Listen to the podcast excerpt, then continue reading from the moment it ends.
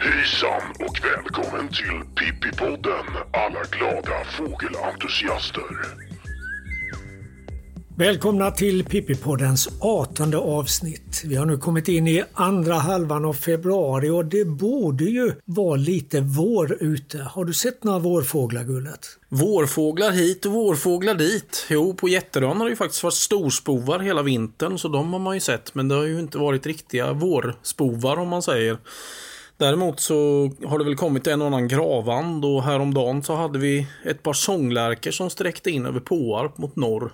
Du då? Nej, jag har väl inte sett så särskilt mycket. Jag var i en kort, gjorde ett kort besök på Jätterön och så bland annat storspov häromdagen.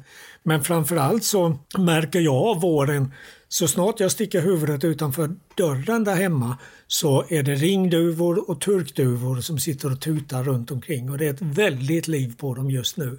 Jag tycker man hör en och annan gärdsmyg och rödhake som sitter och sjunger då och då också. Ja, fast det gör de ju i och för sig vintern igenom. Sen talgoxarna har ju också börjat sjunga, eller gjorde de ju kanske för en månad sedan. Och sen tycker jag man märker en annan sak och det är pilfinkar och gråsparvar.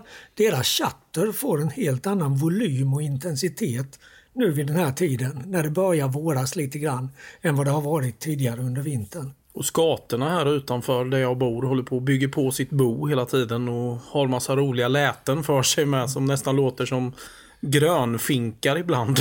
Så då finns det ju lite, lite hopp om livet kan vi väl säga.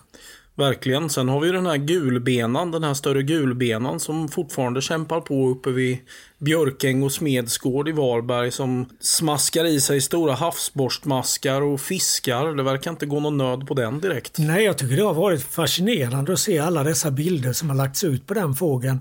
Även bilder tagna när det har varit minusgrader och man ser hur mycket maten ändå hittar. Trots att vi upplever det som att det är ganska bistert så hittar den gott om mat. Ja, flera gånger har man ju trott att den ska dra iväg och inte ses mer, men den kämpar verkligen på. En liten udda sak när det gäller den här större gulbenan jag har varit flera gånger i Costa Rica och tittat på fåglar och där ser man både mindre och större gulbena. Mindre gulbena ser man just i sådana här miljöer som denna, alltså på grunda stränder eller i saliner och så. Men större gulbenen de ser man nästan enbart längs med floder och speciellt där det är lite strömmande vatten. Ungefär där vi möter drillsnäppor här hos oss. Det är där man träffar på större gulbena i deras vinterkvarter. Så det, det, det, är inte riktigt den vintermiljön som jag förknippar med större gulbena som den här fågeln lever i. Nej, lite på slutet nu har den ju varit för den här lilla bäcken eller vad man ska säga som rinner ut där i havet. Men eh, annars har den ju verkligen hållit till i andra miljöer. Och sen så eh, återfann du den här ringanden andra eller tredje gången vad det nu är.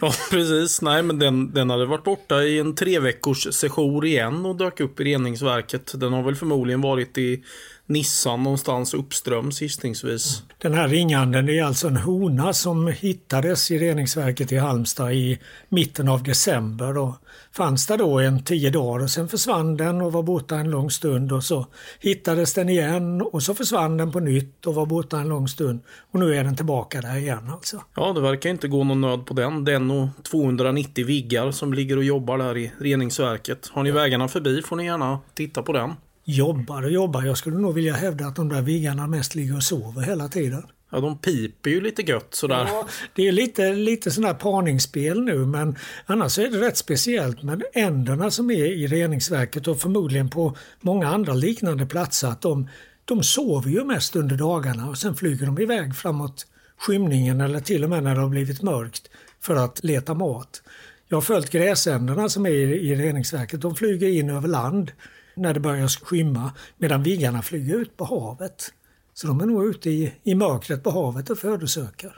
De är nattaktiva. Och sen har vi ju en liten oväntad upptäckt för någon dryg vecka sedan. De här bändelkorsnäbbarna som dök upp eh, utanför Frösakull, ja, Tylösand. Det, det där är ganska häftigt tycker jag. Alltså när det finns ett litet bestånd av något träd med gott om eh, frukter eller fröer eller kottar som det är när det gäller lärkträd så verkar det som att det är alltid fåglar som hittar just de här träden. Alltså jag har den här vintern spanat in mängder med lärkträd just för att titta efter bändelkåsnäbba och andra korsnäbbar. Och det verkar som att nästan ingenstans så har de kottar i år. Det är väldigt ont om kottar i lärkträden. Men just det här lilla beståndet på ett tiotal lärkträd, de dignade ju av kottar. Och naturligtvis så var det 15 bändelkorsnäbbar. Det är som att de har någon slags radar. Ja, eller vad sjutton det nu är som gör att de kan hitta de här få träden mitt ute i ingenstans. Som, som eh, har någonting att erbjuda dem alltså. Ja, vad äter större, mindre respektive bändelkorsnäbb? Ja, bändelkorsnäbb äter ju i första hand lärkträdskottar men också kottar på ädelgranar, sådana här små kottar. De har ganska klena näbbar så de eh, kommer inte så väl åt de här lite större kottarna. Däremot mindre korsnäbb är ju väl anpassade att äta granfrö och större korsnäbb, de, ja vad går de på? Det är väl tallkottsfrön? I första hand ja. Men sen så äter alla tre korsnäbbarterna också gärna kärnor av rönnbär och oxelbär. Och eh, det var faktiskt så när första fyndet gjordes av bändelkorsnäbb i Sverige. Det var här i Halland minsann, nere i södra Halland i Hasslöv. Linnés lärjunge Per Osbeck, han hittade bändelkorsnäbbar då. Det var ett år när det var extremt gott om rönnbär och en formlig invasion av korsnäbbar och tallbitar i södra Halland. Och eh, det var den första beskrivningen av bändelkorsnäbb i Sverige och kanske i världen överhuvudtaget. Hur kommer det sig att korsnäbbar häckar vid så udda tid som i februari månad? Alltså jag tror att det handlar om att eh, strax efter det när dagsmejan börjar sätta in den första vårsolen som värmer, då spricker kottarna upp. Och då blir fröna mycket lättare att komma åt. Så, och de matar ju sina ungar med en geggamoja som de eh, tillverkar väl i sin kräva av granfrön eller tallfrön eller vad det nu är och eh, diverse annat. Och det gäller ju liksom att anpassa häckningen till när det är som mest mat för ungarna. Och det är det väl just då, ganska tidigt på våren när kottarna spricker upp. Så lärkkottar för bändelkorsnäbb, tallkottar för större korsnäbb och grankottar för mindre korsnäbb. Och från det ena till det andra. Hur gick det i Vinterfåglar in på knuten i år? Ja, det gick väl ungefär som det brukar fast med lite små skillnader mot det vanliga resultatet. Talgoxen var naturligtvis återigen den talrikaste arten. Sen på tredje plats kom faktiskt gråsiska. Det var ju denna vinters stora invasionsfågel. Vi har fått in väldigt mycket gråsiska till Sverige. Förmodligen österifrån.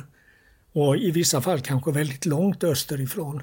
Annars så var det väl ungefär som det brukar. Fast man kan ju också notera att i år så var det betydligt färre rapporter än förra året. Och rapporterna innehöll i sin tur i genomsnitt färre fåglar än förra året. Och Det där tror jag har att göra med det väder som rådde i stora delar av Sverige just den här helgen. Jag märkte själv av det. På Jätterön hade vi en sån här aktivitet där vi skulle titta på fåglarna som dök upp vid fågelbordet. Men det var mest bara gräsänder och fasaner som kom. Någon liten talgoxe och någon rödhake kom väl till slut. Men jag fick plocka fram de här träsnidade fåglarna som vi har och visa upp dem och spela upp deras sång och lockläten. Så folk verkade ganska nöjda med det ändå. Men så var det väl på västkusten. Att det var lite dåligt väder men man rapporterar ju in ändå. Ja, vi ska ju veta det att även om vi får in 18 000 rapporter i år så är de här rapporterna spridda över hela landet, alltså från sydligaste Skåne till nordligaste Lappland. Men sen ungefär 75 procent eller drygt 75 procent av rapporterna kommer ju från ett område som är från, ska vi säga Mälardalen och söderut. Och hela det området hade väldigt milt väder den här helgen.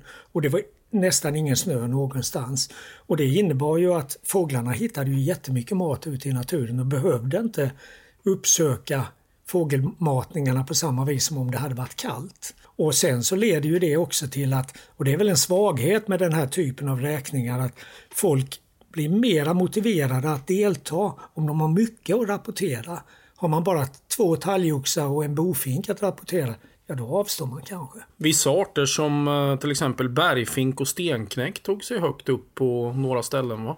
Ja, det är nere i sydöstra Sverige i gränsområdet mellan Blekinge och Skåne. Där har bokens frösättning varit väldigt god det senaste året. Och eh, där fanns det alltså väldigt mycket bergfinkar och stenknäckare ute i skogarna. Och det märktes också på eh, topplistorna i de kommunerna. Jag tror att både när det gäller Olofström i Blekinge och Östra Grevie i Skåne så finns både bergfink och stenknäck på pallen så att säga så här i olympiadtider. En annan intressant grej från i år det var att uppe i Västerbotten och Norrbotten så var det ovanligt mycket bofinkar. Normalt sett så kan det vara några enstaka bofinkar, ofta sådana som har någon sorts defekt, sån här skada på fötterna eller sjukdomar som stannar kvar. Men i år så var det gott om det. Det fanns någon, någon matningsplats i Piteå som hade 15 bofinkar till exempel. Och förklaringen till det var sannolikt att i höstas så var det stora fält som aldrig blev skördade på grund av att det regnade så mycket. Och de här stora fälten de lockade bofinkar att stanna kvar. Sen kom all snön och kylan och då trängdes bofinkarna in mot fågelmatningarna. Då var det för sent för dem att ge sig iväg söderut. Så det tror jag är orsaken. En art som man brukar se när man matar på fågelbord är ju sparvhök som kommer att dra förbi ibland för att slå en småfågel. Men jag har nog, ja, det är nog första gången sedan jag började skåda fågel i slutet på 90-talet som jag fortfarande inte har sett en sparvhök i Sverige. Och vi är i mitten i, av februari månad. Däremot har jag ju sett flera duvhökar fram tills nu. Du var på möte med viltförvaltningsdelegationen eller på en naturvårdskurs uppe i eh, Stockholm och intervjuade Tommy Eriksson om duvhök. Ja, det var faktiskt så att både Frida och jag var i Stockholm på den här kursen för naturvårdsdelegater i eh, viltförvaltningsdelegationerna. Och eh, en annan representant från Östergötland numera är Tommy Eriksson. Och Tommy och hans son Anders har ju under många år sysslat med duvhökar. De nästintill urbana duvhökarna som lever runt Stockholm. Det är ju spännande att höra lite mer om det projektet. Då säger jag välkommen till Naturhistoriska riksmuseet. Jag står här tillsammans med Tommy Eriksson i samband med en utbildningsdag för viltförvaltningsdelegationerna i eh, landet. Och Tommy, du berättade för mig att vi står inte långt ifrån ett duvhöksrevir här. Nej, är, vi har flera revir väldigt nära här. Så att, eh, jag skulle tro där vi står här i Riksmuseet så har vi nog ja, åtminstone tre revir som är ja, inom en kilometer tror jag borna ligger här. Om vi, om vi säger att vi står mitt i, i navet så att säga, så har vi tre, tre revir väldigt nära här. Du och din son Anders, ni har ju jobbat mycket med de här urbana duvhökarna om man får kalla det för det. Var det en överraskning när ni kom på i början att det var förhållandevis gott om duvhök i Stockholms närhet? Ja, det måste man väl ändå säga. Alltså, vi förknippar ju duvhöken med storskogen. Det är den gamla storskogen, gammelskogen kan man säga, fågel. Men eh, med början någon gång i ja, början 90, alltså slutet 80-90, så började vi märka att de kom närmare stan. Och eh, det var ju en eh, föregångare till oss, Bengt Jansson, som höll på, höll på en hel del då. Och så småningom så hamnade vi i det här. Och vi har ju sett nu att det är ju en ganska tät population runt eh, Storstockholm. Alltså vi, vi jobbar ju i Storstockholm, kranskommunerna runt Stockholm. Vi har ännu inga bon in, innanför tullarna men det tror jag vi kan förutspå att det kommer inom en snar framtid. Kan du uppskatta ungefär hur stor är den här populationen som finns alldeles runt om Stockholm? Ja, om man tar Stockholm med, med kranskommuner, alltså norr om här Solna, Täby och ja, Sundbyberg och, och Söderhuddinge, Nacka.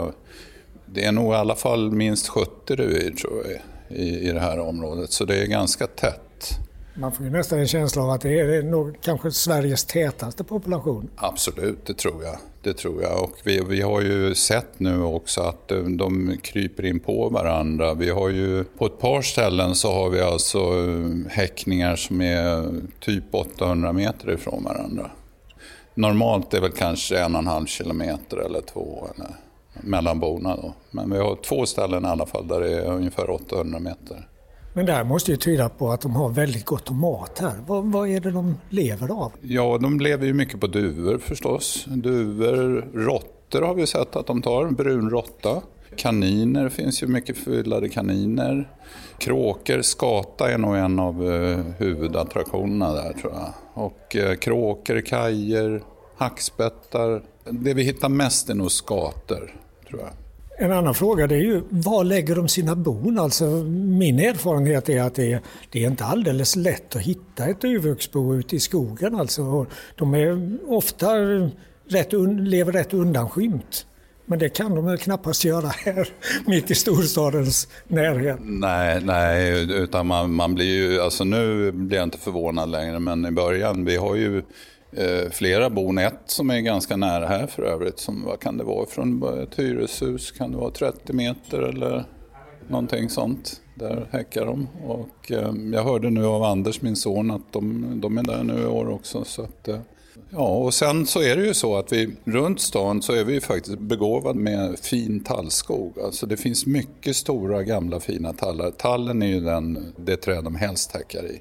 Och det ligger någonstans uppåt Eh, ja, nästan uppåt 60 procent är, är tallhäckningar. Och sen kommer gran efter där med kanske en 30-40 procent. Och sen, sen är det alla, asp är inte helt ovanlig. Björk har vi nog till och med ek. Lärk är några stycken. Ett av borna här, nära här, är Lärk. Nu har du flyttat ner till Östergötland och flyttat från dina duvhökar. Hur ska det gå? Ja, Anders får väl ta över. Anders, min son, kommer väl att köra lite grann. Men vi körde så hårt eh, några år där så att så, så hårt tror jag inte han kan köra. Utan, men han kommer, ju, han kommer ju ta det som han kan så att säga, och märka. Och vi, duvhöken är ju ganska utforskad art så att säga. Det, det, det, vi gör ju inget pionjärarbete så. Men, men vad det gäller urban miljö så tror jag att det är så. Och vi har ju velat veta då hur häckningsframgången är och könsfördelning och så vidare. Det är väl det vi har fokuserat på. Går det bra? Ja, det, det säger sig nästan självt att det går ganska bra för dem. De har en relativt hög häckningsframgång. Ja, det, det går bra. Alltså vi, ligger, vi snittar över, eh, strax över tre ungar per häckning. Att jämföra då med Bild och Hans som kör upp i Norrtälje i skogsmiljö där det ligger någonstans mellan två och två och en halv unge per häckning. Så att det går ju bra för de här. Och, och vi ser också att eh, alltså ju närmare Stockholm city de häckar, desto bättre går det. Ju fler ungar får de och ju tidigare häckar de. Det är också så att närmare stan, det är äldre honor som pinkar in de här reviren så att säga. Vi hade ju Hagaparken som inte alls är långt. Det är, ju, ja, det är förresten ytterligare ett revir som ligger nära här. Där hon hade ju fem ungar i, ja, var det fyra eller fem år? En, samma hona alltså. Fem, eller ja, vi tror det var samma hona, vi vet inte det. Så man kan sammanfatta det här med att säga att eh, duvhökarna är som folk är mest. De eh, lämnar vischan och flyttar till stan. Ja, ja, så är det. Och vad ska de bo ute på vischan? Jag menar, skogarna är skövlade. Så ja. Att, ja, det är ju ett annat problem. Alltså. Ja. Har du jobbat med det också, alltså med duvhökar ute i det, det som vi betraktar som normala duvhöksmiljöer? Nej, det har jag inte gjort. Det har jag inte. Men däremot bild och i Norrtälje, jag håller på mycket med det. Vet du någonting om hur trenden är? Man får ju en uppfattning om att det går inte särskilt bra för duvhökar. Nej, jag, jag, kan inte svara för trenden ute i skogen. Men, men eh, jag misstänker ju att den minskar, så att säga. Att, att stammen minskar medan den då ökar här i, i alla fall runt Stockholm. Men jag kan tänka mig att det är likadant runt Göteborg och andra städer. Liksom, att, att de tränger på. Och de gör ju, de gör ju nytta. Stockholms kommun här, de tyckte ju faktiskt att eh, Ja, de gjorde ju mycket nytta så att säga. En populär fågel. Tack så mycket Tommy för ja. den här pratstunden. Ja.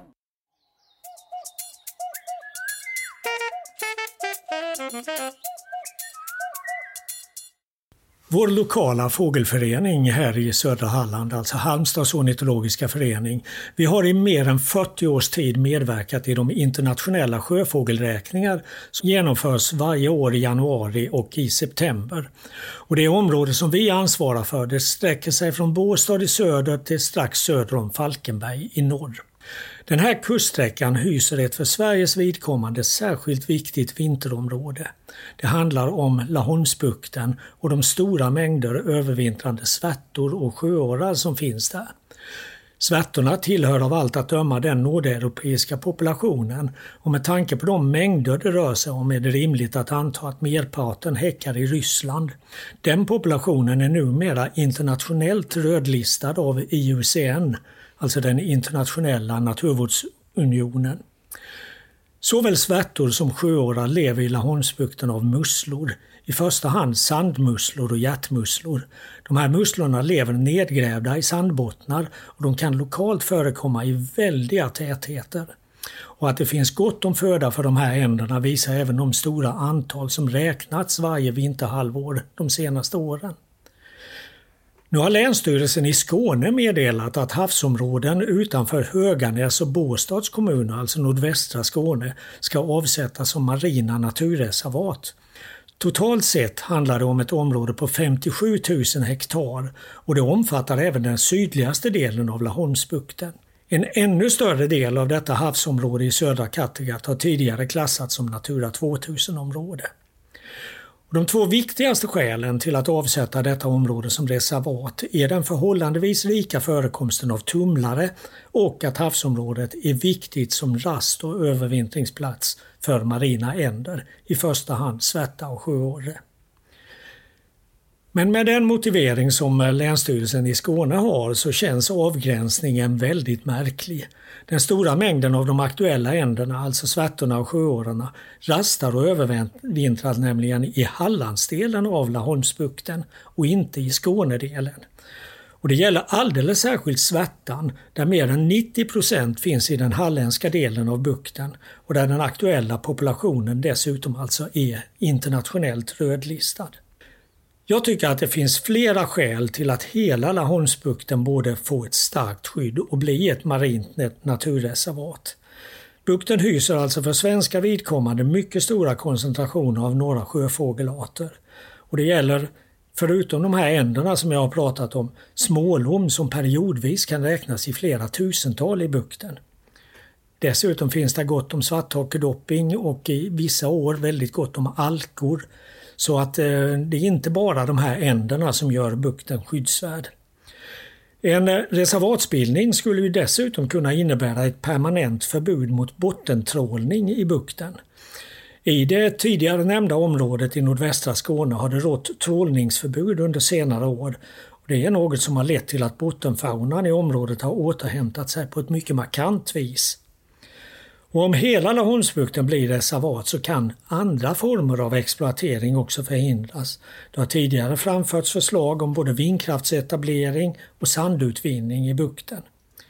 Och slutligen så skulle inte en reservatsbildning menligt påverka varken sjöfart, friluftsliv eller det småskaliga fiske som bedrivs i bukten. Tvärtom skulle sannolikt både friluftsliv och det småskaliga fisket gynnas. Men problemet är Länsstyrelsen i Halland. Där vill man av någon anledning inte ha ett reservat i bukten. Ja, du jobbar ju från och till i alla fall på eh, naturen på Jätterön, Gullet. Och eh, en fågel som har präglat det här området vintertid under senare år är havsörn. Men i år har ni inte haft så mycket havsörnar som förra året. Nej, i år har vi ju inte fått någon dispens till att mata örnarna. Vi väntar fortfarande på beslut, så det är varken bu eller bä. Men eh, snart har ju mer eller mindre den här säsongen gått, så det lär väl inte bli så mycket örnar just i år. Men eh, ni ser ändå regelbundet havsörnar på reservatet? Man ser i princip några individer varje dag som eh, kommer och jagar där. De tar ju både gäss och änder och sådär. Det blir väl inte samma avstånd och inte lika många individer utan en matning, men de finns ju där. Och det här är ju ganska fascinerande, eller mycket fascinerande ska jag väl säga, när det gäller havsörnen och dess remarkabla återkomst i Sverige. Det är ju inte mer än en 40-50 år sedan som vi var rätt så övertygade om att havsörnens saga som svensk häckfågel var på väg att ta slut. Då var den hårt pressad av miljögifter. Men sen har den alltså kommit tillbaka i stor skala. Och när vi var på Naturhistoriska riksmuseet här förleden så passade jag också på att eh, prata med Peter Hellström som idag är den som ansvarar för det svenska havsörnsprojektet. Ja, Peter Hellström på Naturhistoriska riksmuseet. Du är ju Mr Havsörn i Sverige kan man väl säga numera. Har havsörnens expansion nu äntligen nått sin kulmen? Äntligen säger du? Ja, det vet jag inte nej, nej, det har den inte. Vi ser fortfarande en ganska tydlig ökning i beståndet och det är en förtätning på, i kärnområden och så. Så nej, det har inte planat av ökningen faktiskt. Har du något grepp om hur pass mycket havsörnar vi har i Sverige nu? Ja, vi har ju minst 800 par eh, som vi känner till i landet. Sen är det förstås ett mörkertal, det går inte att inventera alla längre. Och en, eh, en viss andel av populationen är ju okänd för oss. Så att det skulle inte förvåna mig om det högre än 800, men det är minst 800 par i dagsläget. Jag föreställer mig att de här är inte jämnt spridda över Sverige utan det finns eh, områden som har mycket tätare populationer. Ja, och det har ju dels en historisk förklaring. När, när arten var tillbakapressad så, så var det ju Stockholm, upp, Uppland, Sörmland och norra Östergötland kan man säga som var kärnområdet. Det som är glädjande idag är att vi har haft så längs hela Östersjökusten eh, sedan ett antal år tillbaka. Även en återexpansion på västkusten börjar vi se. Och inte minst inlandet då, som har tagit fart de sista 17-18 åren. Så det är de stora sjöarna och i större sjösystem som finns i arten i inlandet också idag. Kan man säga att havsörnen nu har lagt hela Sverige under sina vingar? Att den förekommer i alla landskap, alla län? Mm, ja, inte riktigt. Det är fortfarande södra och mellersta Norrland är, ganska glest mellan paren inlandet i alla fall. Då. Så, så, att allt från, från Dalarna och Härjedalen, Jämtland, Västerbotten inland, det är ganska glest. Sen har vi förstås en population i Lappland som är, som är lite isolerad från andra, men där finns det. Men, men hela det gamla utbrytningsområdet är fortfarande inte intakt om man säger så. Så det, det, väntar vi på. Bohuslän är ett sånt område där vi hoppas att arten kommer etablera sig. Det, det finns inga i Bohuslän än, inga Nej, etablerade? Nej, vi känner till, men de som lyssnar på det här och kanske vet något så får de gärna höra av sig till oss. Och, eh, men det finns fina områden för havsörn i Bohuslän också, men ingen som vi känner till idag. Du nämnde den här populationen i Lappland. Är den en population som är skild från den övriga populationen eller vad ska vi säga, har de någon samröre med varandra? Inte mycket och det är därför den här lappländska populationen är värd att hålla, hålla lite extra koll på för den har jättelite genetiskt utbyte med norska kusten som bara ligger ett par mil bort, vilket är lite märkligt. Men också med Bottenviken så är det inget större utbyte. Så det som sker är med finska Lappland, där, där ser vi på, på, fåglar som baserat på ringmärkning kan häcka i olika områden där, i Sverige och Finland. Men det, det är liksom en liten isolerad population som flyttar söderut på vintern och kommer tillbaka, men den har lite utbyte. Kan man säga någonting om vad det är som gör havsörnen till en så väldigt framgångsrik art? Ja, men dels är det ju ett eh, enormt naturvårdsarbete förstås. Det var en ganska enkel sak att åtgärda. Det var enkelt att hitta vad problemet var. Det var miljögifter som var problemet i modern tid. Förföljelse var tidigare, men, men modern tid så miljögifter. Fick man bort dem och visste vad man skulle göra för att hjälpa arten, alltså med, med utfodring och förstås boplatsskydd var ju väldigt viktigt när det fanns på få. Så det var, det var ett fåtal åtgärder som väldigt många var med och hjälpte till gjorde. Så det är ett hårt arbete. Men sen har ju arten också hjälpt till själv ganska bra. Så den har ju en hög förökning, förökningskapacitet för att vara en stor rovfågel. Så jämför man den med kungsörn så, så, så är havsörnarna försöker häcka varje år och får, har större kullar och allting än många andra rovfåglar av motsvarande storlek. Så, att, så att när arten, eller individerna i populationen mår bra så kan ju beståndet öka relativt snabbt, alltså som vi ser nu.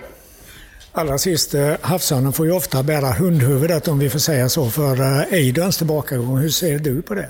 Ja, men det ska man inte sticka under stol med. Att det är en stor rovfågel och den kan ju säkert ha eh, påverkan på olika populationer. Men i dagsläget så vet vi inte det eh, hur exakt. Det finns inga bra studier som jag skulle vilja hävda egentligen någonstans på vilken effekt havsörnen har som predator på andra djur. Att den kan ha en effekt, det, det, det får vi inte hymla med. Men, men det behövs alltså större satsningar på forskning och studier där vi kan reda ut det här, för det är viktigt då, när arten kommer fortsätta öka, för det kommer den göra. Det är jag övertygad om. Det blir mycket viktigt att ta reda på det. När kommer den att passera tusenparsstrecket, vågar du säga om det? Alltså målsättningen i åtgärdsprogrammet var ju 2030, men, men som vi ser nu så kommer det ske tidigare än så. Eh, och är, med den här ökningstakten som är nu, så, så 6-7 år kanske. Då. Eller tidigare, det beror på. Men, men jag skulle tippa på att det är någonstans i det intervallet i alla fall, som, som vi har över tusen. Ja, det får vi se. Tack så mycket Peter.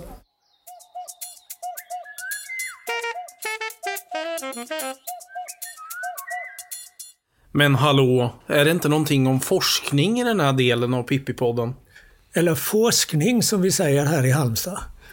Ja, eh, jag har väl egentligen ingenting sånt här eh, riktigt tungt som jag har hittat på sistone, men jag hittade en rolig artikel i Nature eh, för ett tag sedan Och eh, det handlar väl inte egentligen om forskning utan mer om fågelskydd och om internationella förbindelser. Eh, och det gäller tornuggla. I Israel så finns det en ornitolog och forskare som heter Yoshi Leshem. Och förutom att han då har ägnat sitt liv åt fågelforskning så är han också en varm förespråkare för att vi med fåglarnas hjälp kan skapa ökad förståelse mellan människor.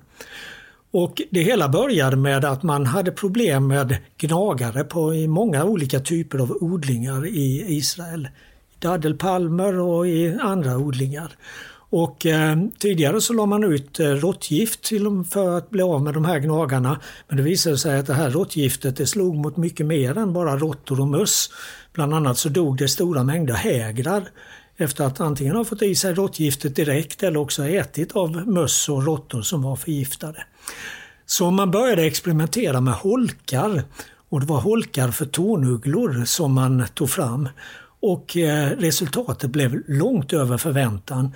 Det visade sig att när man satte upp holkar och fick tånuggla att häcka i de här holkarna så eh, blev tånugglarna de som höll gnagarna stången så att säga. Och eh, sen med Joshi Leshems eh, inställning att fåglar känner inga gränser och därför är en bra symbol ja, för ökad förståelse mellan olika människor över nations och religionsgränser så eh, började man sprida den här verksamheten även in i de palestinska områdena och över till Jordanien. Och även där så har det fungerat väldigt bra. Det var dock lite trögt i portgången för det här projektet för de första holkarna som man satte upp där blev helt enkelt det för varmt under häckningstid.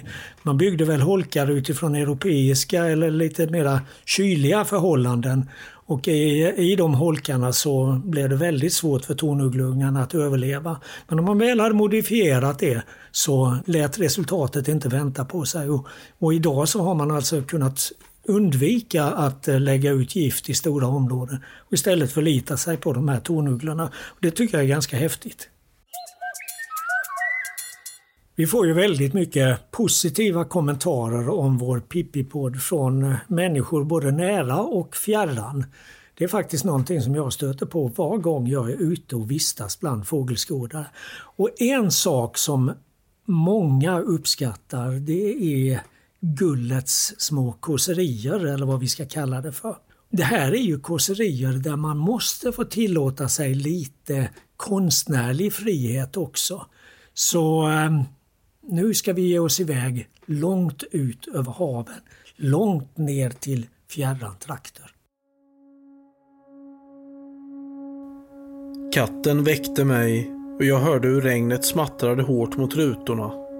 Det var november. Tändstickan drogs mot plånet och fem ljus fladdrade snart i kandelabern i köket. Med ett leende såg jag flaggorna vid bensinmacken slå i vinden. Kaffet smakade starkt och mörkrostat. Jag fäste blicken på molnen som rörde sig österut över himlavalvet i den hårda västvinden. För en stund befann jag mig i ett minne från barndomen. Den härliga, inbjudande doften av kaffe och pannkakor hos farfar. Hans välmenande blick som berättade så mycket utan att ens ett ord sades. De gamla ögonen som hade sett allt. Skulle han ha följt med mig ut i sin gamla Peugeot med rosthål i skärmarna denna blåsiga dag? Jag hade gärna önskat det. Det gick inte att vara kvar. Jag måste ut. Upp och ut till havet. På marken utanför huset låg löv färgade i guld och rubiner. Västvinden slet tag i mig. Bilen vaggade lätt i kastvindarna längs vägen. Jag har alltid svårt att sova när det stormar om hösten. Jag måste ut till kusten. Frida brukar säga att jag är ett havsöga. Det kanske finns någon sanning i det. Jag är dessutom alltid varm. Välanpassad för ett bistert, blåsigt klimat. Jag parkerade bilen nära några villor med havsutsikt som jag gärna hade bott i. Tänk att med ett glas vitt österrikiskt spritsigt Grüner Veltliner i ena handen och ögat mot tubkikarens okular kunna se liror, sulor och kanske en klykstjärtad stormsvala från vardagsrumsfönstret. Jag kunde se mig själv stå där i ett av mångmiljonvillornas fönster och spana ut över havet. Men vad fasen, tänkte jag sedan. Det går minst lika bra det här. Och började vandra ut mot de gamla i faluröd färg målade fiskebodarna. Mössan flög av två gånger längs vägen ut. När jag för andra gången tog upp den såg jag mig om och kunde konstatera att jag var alldeles ensam. Inte en människa i något väderstreck. Perfekt. En sån ensamhet klädde mig fint. Det var dags att se vad som fanns att erbjuda denna dag. Koncentrerat letade jag genom tubkikaren som riktades mot både Båsta, Mellbystrand, Kattvik, Hovshallar och Hallands Väderö och allt däremellan. Det var tomt, som det så ofta är vid Laxvik i början av en havsfågeldag. Så bågade något snabbt till under en millisekund på säkert tre kilometers håll. Den kom närmare, men jag tappade snabbt bort den. Hjärtat började bulta. Jag svepte norrut. Ingenting. Söderut. Ingenting. Samma sak igen och igen. Jag bestämde mig för att ställa in tubkikaren i riktning mot spetsen på Hovs hallar och väntade ängsligt. Så! Helt plötsligt bågade något upp igen i snabb flykt. En grålira. Vänta lite. Där kom en till. Och ännu en. Farfar skulle nog ha gillat det här. Det skulle nog ha blivit extra glass på pannkakorna efteråt. Över havet flög ett gäng om tre gråliror tillsammans. Det var som om de hade flugit 14 000 kilometer bara för att hälsa på mig. För en grålira är en sväng in i Laholmsbukten ungefär som det är för dig och mig att gå ut i postlådan. Så enkelt, tänkte jag och rös av beundran över dessa världsvana vagabonder. Känslan av att vara en havsfågel. Ensam över vågornas kammar och skum med vinden som en välkommen vän som tar dig dit du vill. En kravlös tillvaro. Lika mäktig som enastående. Det är få typer av skådning jag blivit så hänförd av som av havsfågelskådning. Jag behöver knappt äta något under sådana dagar, utan kan leva på mitt adrenalin i timtal. Jag kan få en klump i halsen och bara rysa njutningsfullt över att se en stormfågel glida i dynamisk bågflykt över vågornas vita gäss. Det ser så enkelt ut. Det finns en märklig myt om stormsvalan som på något sätt tilltalar mig. Den berättar att det gäller att hålla sig väl med stormsvalan för att den är en drunknande sjömans själ. Om jag fick drömma om ett nästa liv vill jag nog vara en ispetrell som bågflyger över havet i Antarktis bland isberg och isbjörnar. Jag vill vara något jag inte varit och vara på en plats jag aldrig varit på. Ensam över havet. Mil efter mil. En absolut frihet från arbete och räkningar som ska betalas. Jag ska bara hälsa på mina albatross och petrellvänner och leta smarriga kadaver och goda fiskar hela dagarna långa. Det blir fint.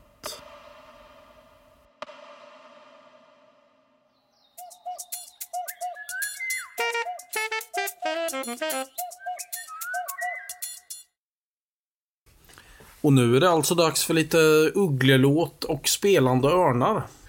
Ja, det är ju mycket som händer så här på vårvintern. Alltså, redan innan det blir vår på allvar så kommer ju både ugglor och örnar och hackspettar igång med sina våraktiviteter och det är ju en ganska häftig tid egentligen.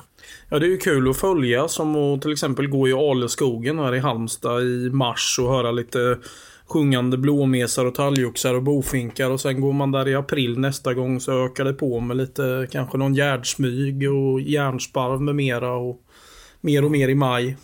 Jag gick där bara häromdagen och eh, det som hördes mest då var trummande hackspettar faktiskt. Men det var bara större hackspett. Där finns ju mindre hackspett också. Det är ju eh, rätt roligt att, att lyssna på de här hackspettarna och försöka avgöra vilken art det är. Det är ju inte alltid så lätt men ibland när de är riktigt typiska då är det ganska lätt faktiskt. Här har vi en trummande mindre hackspett. Här har vi en trummande större hackspett. Och tidigare i vinter så var ju ni iväg och tittade på den här vitryggiga hackspetten uppe i Garphyttan. Och den har ju också en väldigt karaktäristisk strumning. Hur ska man beskriva den? Är den snabb eller? Ja, framförallt det här med att den liksom dör ut på slutet. Nu är det länge sedan jag hörde en vitryggig hackspett. Det var väl i Lettland senast och det är minst 20 år sedan. Men den är, den är väldigt typisk alltså. Här har vi en vitryggig hackspettsstrumning. Och sen så har vi ju sist men inte minst spillkråkans häftiga trumning. Den, den skulle man ju inte vilja vara, vara resonanslåda för. Den är väl snabbast av alla kan man väl säga? Ja, kraftfullast och maffigast på alla, alla sätt och vis alltså. Här har vi spillkråkans trumning. Nej men då har vi ju mycket att hoppas på tills när vi nu nästa gång ses. Ja, det ska väl inte dröja så länge för att nu händer det ju så mycket framöver. Alltså så fort vintern ger sig på allvar så kommer det ju att välla in fåglar söderifrån. Och det är, det är faktiskt, det måste jag säga efter att ha skådat fågel i ja, 55 eller 60 år eller vad det nu kan handla om. Det är lika häftigt varje år. Det gör livet värt att leva.